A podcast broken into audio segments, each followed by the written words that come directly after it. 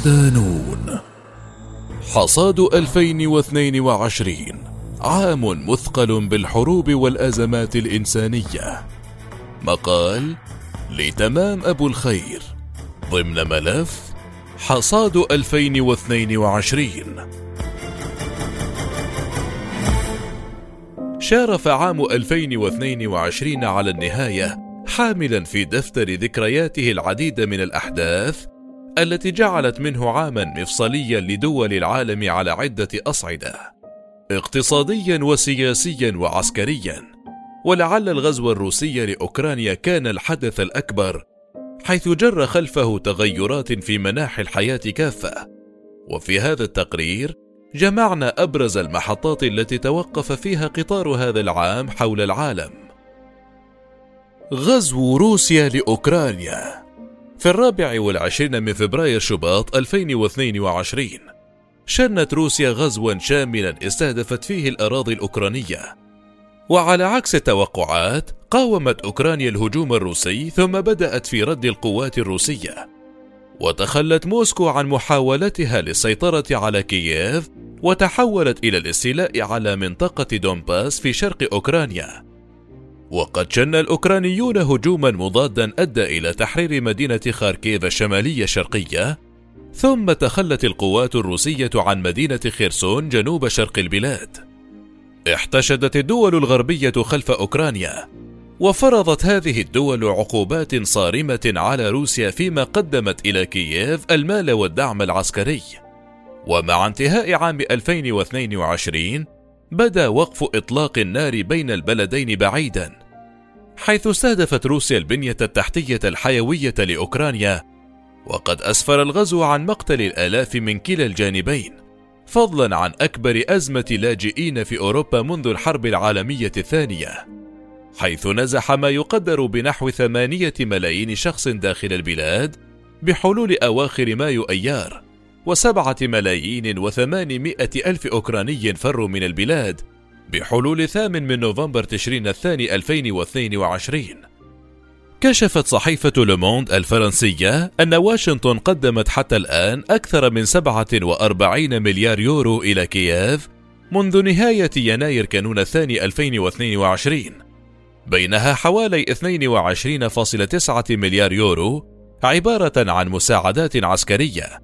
وأضافت أن دول الاتحاد الأوروبي قدمت دعما فرديا لأوكرانيا قدر بنحو 16 مليار يورو أي نحو 17 مليار دولار. فيما بلغ مجموع الدعم المقدم من صناديق مؤسسة الاتحاد نفسها حوالي 30 مليار يورو. أما عن استشراف الوضع الذي ستؤول إليه الأمور في العام المقبل عام 2023 نشر موقع ناشونال انترست أن أزمة متعددة الأوجه ناجمة عن حرب أوكرانيا فكيف ومتى ستنتهي الحرب في أوكرانيا يظل لغزا؟ وأضاف الموقع أنه مع ذلك فإن حلقة الأزمة المتعددة الأوجه المتتالية من الحرب كالطاقة وانعدام الأمن الغذائي والتضخم والتباطؤ الاقتصادي قد تولد إرهاق أوكرانيا في الغرب ما يهدد الدعم الحيوي. وبحسب الموقع ستولد الحرب مخاطر متعددة مترابطة من نزاع مستمر ومتوقف وتصعيد. في حال أرسلت الولايات المتحدة أو حلف شمال الأطلسي أسلحة متقدمة إضافية إلى كييف ردا على قصف بوتين واستخدام روسيا للسلاح النووي.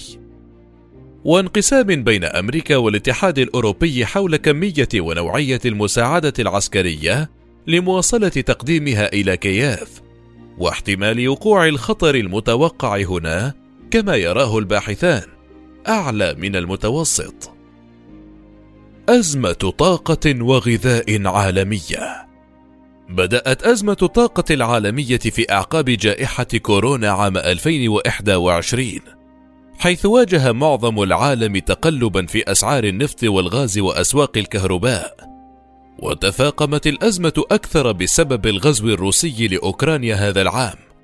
وقد أدى نقص الغاز على وجه الخصوص إلى ارتفاع أسعار المواد الغذائية وزيادة استخدام الفحم. وتعد هذه الأزمة هي الأقصى على مدى خمسين عاما مضت. هددت التعزيزات العسكرية الروسية خارج أوكرانيا وما تلها من غزو إمدادات الطاقة من روسيا إلى أوروبا. وساهمت العقوبات الدولية على روسيا بتعميق أزمة الطاقة حيث قلصت روسيا شحنات الغاز إلى ألمانيا عبر خط أنابيب نورد ستريم واحد ولاحقا أوقفتها بالكامل في أوائل أيلول سبتمبر. إضافة إلى ما سبق في أكتوبر تشرين الأول 2022 خفضت منظمة أوبك إنتاج النفط بمقدار مليوني برميل يوميا زاعمة أنها تحاول منع تقلب الأسعار. أدت أزمة الطاقة إلى أزمة غذاء عالمية حيث أدى ارتفاع أسعار الطاقة إلى ارتفاع التكاليف الزراعية ما ساهم في زيادة أسعار المواد الغذائية عالميا. وبحسب موقع ناشونال انترست فقد سلط برنامج الأغذية العالمي الضوء على حلقة نار من الجوع وسوء التغذية تمتد عبر العالم من أمريكا الوسطى وهايتي إلى شمال أفريقيا من أمريكا الوسطى وهايتي إلى شمال أفريقيا والساحل وغانا وجمهورية أفريقيا الوسطى وجنوب السودان. ثم شرقا إلى القرن الأفريقي وسوريا واليمن وتمتد إلى باكستان وأفغانستان. واحتمال المخاطر هنا عال وكل ذلك في سياق الأزمات الطاقوية والغذائية العالمية. التضخم. شهد عام 2022 ارتفاعا في منسوب التضخم الاقتصادي في جميع أنحاء العالم نتيجة الإغلاقات بسبب كورونا والغزو الروسي لأوكرانيا حيث تعطلت سلاسل التوريد العالمية ما أدى إلى ندرة في مجموعة واسعة من السلع وقد تسبب ارتفاع الأسعار بزعزعة السياسة في الدول. احتجاجات إيران شهدت إيران عام 2022 التحدي الأكبر لنظام الحكم القائم في البلاد منذ وصوله إلى السلطة عام 1979 وبدأت الاحتجاجات في سبتمبر أيلول عندما اعتقلت شرطة الأخلاق في طهران مهسا أميني البالغة من العمر عشرين عاما بتهمة عدم تغطية شعرها بشكل صحيح. وقد توفيت أميني في سجون الشرطة وسرعان ما انتشرت الاحتجاجات في جميع أنحاء البلاد تحت شعار المرأة الحياة الحرية. كما العادة ألقى القادة الإيرانيون باللوم على الولايات المتحدة وإسرائيل في هندسة هذه الاحتجاجات. وتحاول الحكومة قمع الاحتجاجات بالقوة ونتيجة لذلك قتل أكثر من 450 متظاهرا. كما بدأت السلطات بإعدام بعض المساجين الذين اعتقلوا على خلفية هذه الاحتجاجات بتهمة ارتكاب جرائم ضد الدولة.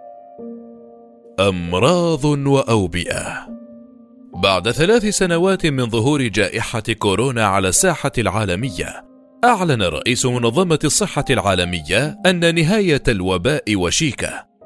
وهذا العام أنهت معظم دول العالم عمليات الإغلاق، كما تخلت عن التدابير الوقائية التي رافقت عامي 2021 و2020 من أجل هذه الجائحة.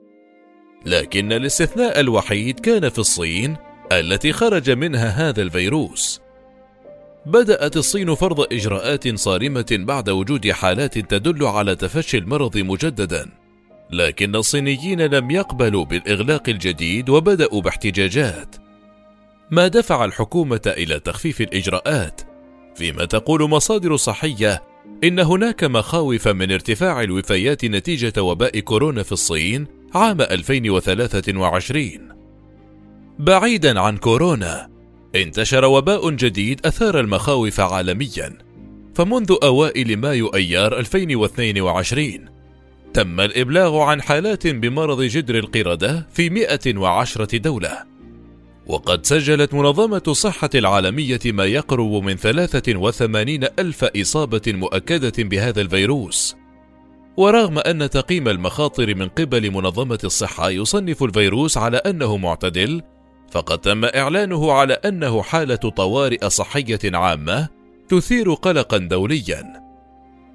التغير المناخي شهد العام 2022 زيادة في الكوارث المرتبطة بالتغير المناخي.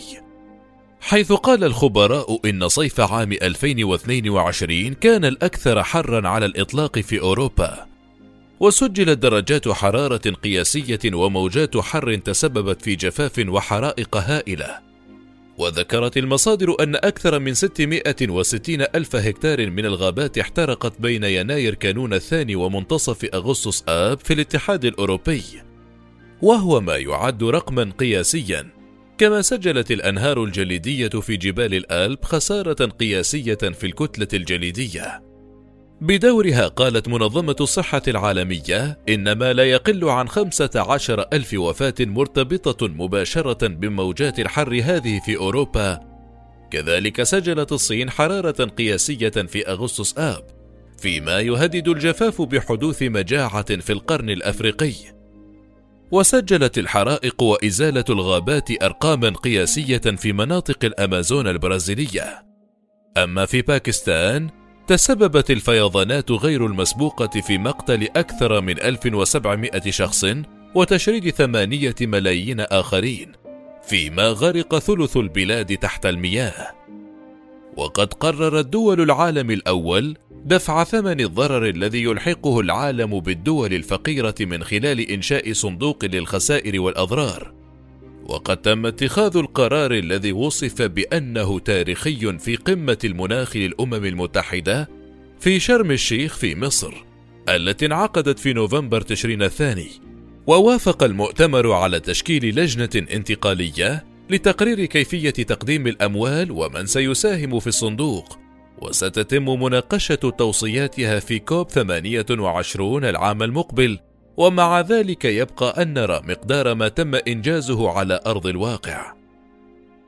الصين وأمريكا أوضحت استراتيجية الأمن القومي لإدارة جو بايدن أن الصين لديها النية وبشكل متزايد القدرة على إعادة تشكيل النظام الدولي لصالح نظام يميل بميدان اللعب العالمي إلى صالحها، وتعتزم الولايات المتحدة الفوز بالمنافسة، وأشارت الإدارة إلى عسكرة بكين لبحر الصين الجنوبي ودعمها للغزو الروسي لأوكرانيا وجهودها لترهيب تايوان.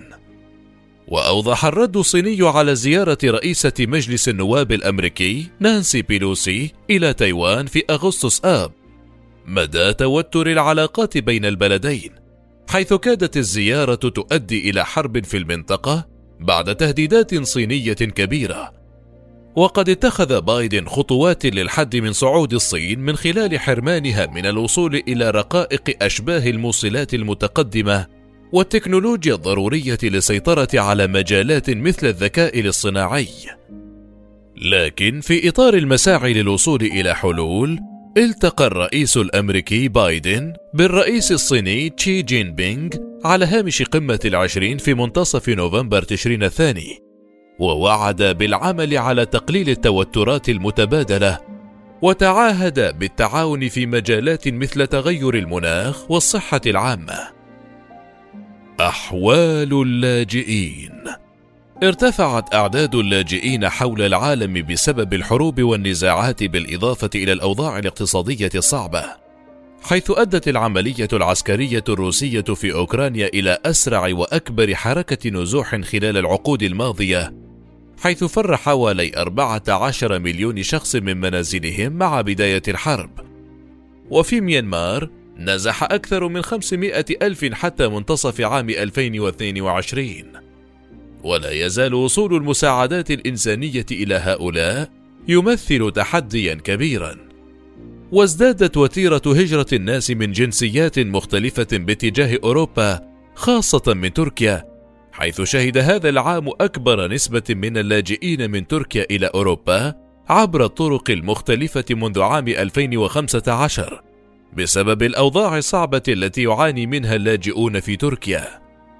وحتى أكتوبر تشرين الأول وثقت المنظمة الدولية للهجرة وفاة ما لا يقل عن 5684 شخصا على طول مسارات الهجرة إلى أوروبا وداخلها منذ بداية عام 2021 ودعت الدول في أوروبا وخارجها إلى اتخاذ إجراءات عاجلة وملموسة لإنقاذ الأرواح وتقليل الوفيات أثناء رحلات الهجرة. أما في أفريقيا فقد نزح أكثر من 850 ألف شخص في إثيوبيا بينما أدت الهجمات الوحشية والعنف الجنسي ضد النساء في جمهورية الكونغو الديمقراطية إلى زيادة عدد النازحين بأكثر من 200 ألف شخص والذي يبلغ أصلا خمسة ملايين وخمسمائة ألف نازح. شهد عام 2022 أوضاعا صعبة للاجئين السوريين بالتحديد إذ عانوا وما زالوا يعانون من الترحيل القسري من بلدان الاستضافة وبالذات تركيا ولبنان دون وجود حلول أو حفظ لحقوق الإنسان. مونديال قطر. لأول مرة في تاريخ كرة القدم حط كأس العالم على أرض قطر وقد نجحت قطر في التحدي فدخل مونديال 2022 التاريخ. وشهد المونديال مفاجآت كثيرة كان أهمها على الصعيد العربي وهو وصول المنتخب المغربي إلى نصف نهائي البطولة حيث قدم أداء مبهرا لكنه خسر مباراته. وقد حازت الأرجنتين على الكأس بعد فوزها على فرنسا بركلات الترجيح وتصدرت صورة أمير قطر تميم بن حمد وهو يقلد اللاعب الأرجنتيني ليونيل ميسي بعد فوز فريقه العباءة أو البشت العربي وسائل التواصل الاجتماعي والإعلام العالمي. عدد البشر أصبح ثمانية مليارات. في الخامس عشر من نوفمبر تشرين الثاني 2022 قالت الأمم المتحدة إن عدد سكان العالم وصل إلى ثمانية مليارات نسمة لأول مرة. وقالت الأمم المتحدة في بيان لها هذا النمو غير المسبوق يرجع إلى الارتفاع التدريجي في عمر الإنسان بسبب تحسن مستوى الصحة العامة والتغذية والنظافة الشخصية والطب. كما أنه نتيجة لمستويات الخصوبة العالية والمستمرة في بعض البلدان. لكن الأمم المتحدة تقول إنه رغم أن ارتفاع عدد سكان العالم من سبع مليارات إلى ثمانية مليارات استغرق 12 عاما إلا أنه سيستغرق 15 عاما على الأقل حتى يصل إلى 9 مليارات. حيث يبدو أن معدلات الولادة آخذة بالتباطؤ بشكل عام. تيلسكوب جيمس ويب. إن الصور التي التقطها تلسكوب جيمس ويب من أبرز الأمور التي لفتت الأنظار العالمية هذا العام. وقد بدأ تشغيله في يوليو تموز حيث قدم صورا مذهلة للكون. وكانت إحدى هذه الصور أبعد لقطة لكوننا حتى الآن بما في ذلك مجرة JADES GS Z 13 وهي مجرة عمرها أكثر من 13 مليار عام ويعود تاريخها إلى الفترة الزمنية الأولى بعد الانفجار العظيم. ما يبدو أنه مجرد بقعة ضوئية خافتة ليس إلا المجرة الأبعد التي أكدتها الحسابات الكونية. أبرز وفيات عام 2022 عربيا. رئيس اتحاد علماء المسلمين السابق العلامة المجدد يوسف القرضاوي عن 96 عاما. رئيس الإمارات العربية المتحدة السابق الشيخ خليفة ابن زايد آل نهيان الصحيفة شيرين أبو عاقلة قتلها الاحتلال الإسرائيلي أثناء تغطيتها للأحداث في جنين. الصحفي الشاب محمد أبو الغيط الذي توفي في مقر إقامته بلندن بعد صراع مع مرض السرطان. إبراهيم النابلسي القائد في مجموعة عارين الأسود استشهد برصاص الاحتلال الإسرائيلي بعد مطاردة طويلة. العالم الإسلامي جودة سعيد الذي عمل لأكثر من ستة عقود على نشر نظرية اللاعنف في العالم الإسلامي. الشاعر الشهير مظفر النواب الذي توفي في الإمارات عن عمر ناهز ثمانية وثمانين عاما. عالم الفلك صالح العجيري وهو من أوائل علماء الفلك في منطقة الخليج. الناشط السياسي التونسي أحمد الحفناوي صاحب المقولة الشهيرة هرمنا من أجل هذه اللحظة التاريخية خلال أحداث ثورة 2011 التي أطاحت بنظام زين العابدين بن علي. عالميا وفاة ملكة بريطانيا إليزابيث الثانية عن عمر يناهز 96 عاما بعدما حكمت البلاد 75 عاما. آخر رئيس للاتحاد السوفيتي ميخائيل غورباتشوف. رئيس وزراء اليابان السابق تشينزو آبي حيث اغتيل بالرصاص خلال إلقائه خطابا عاما.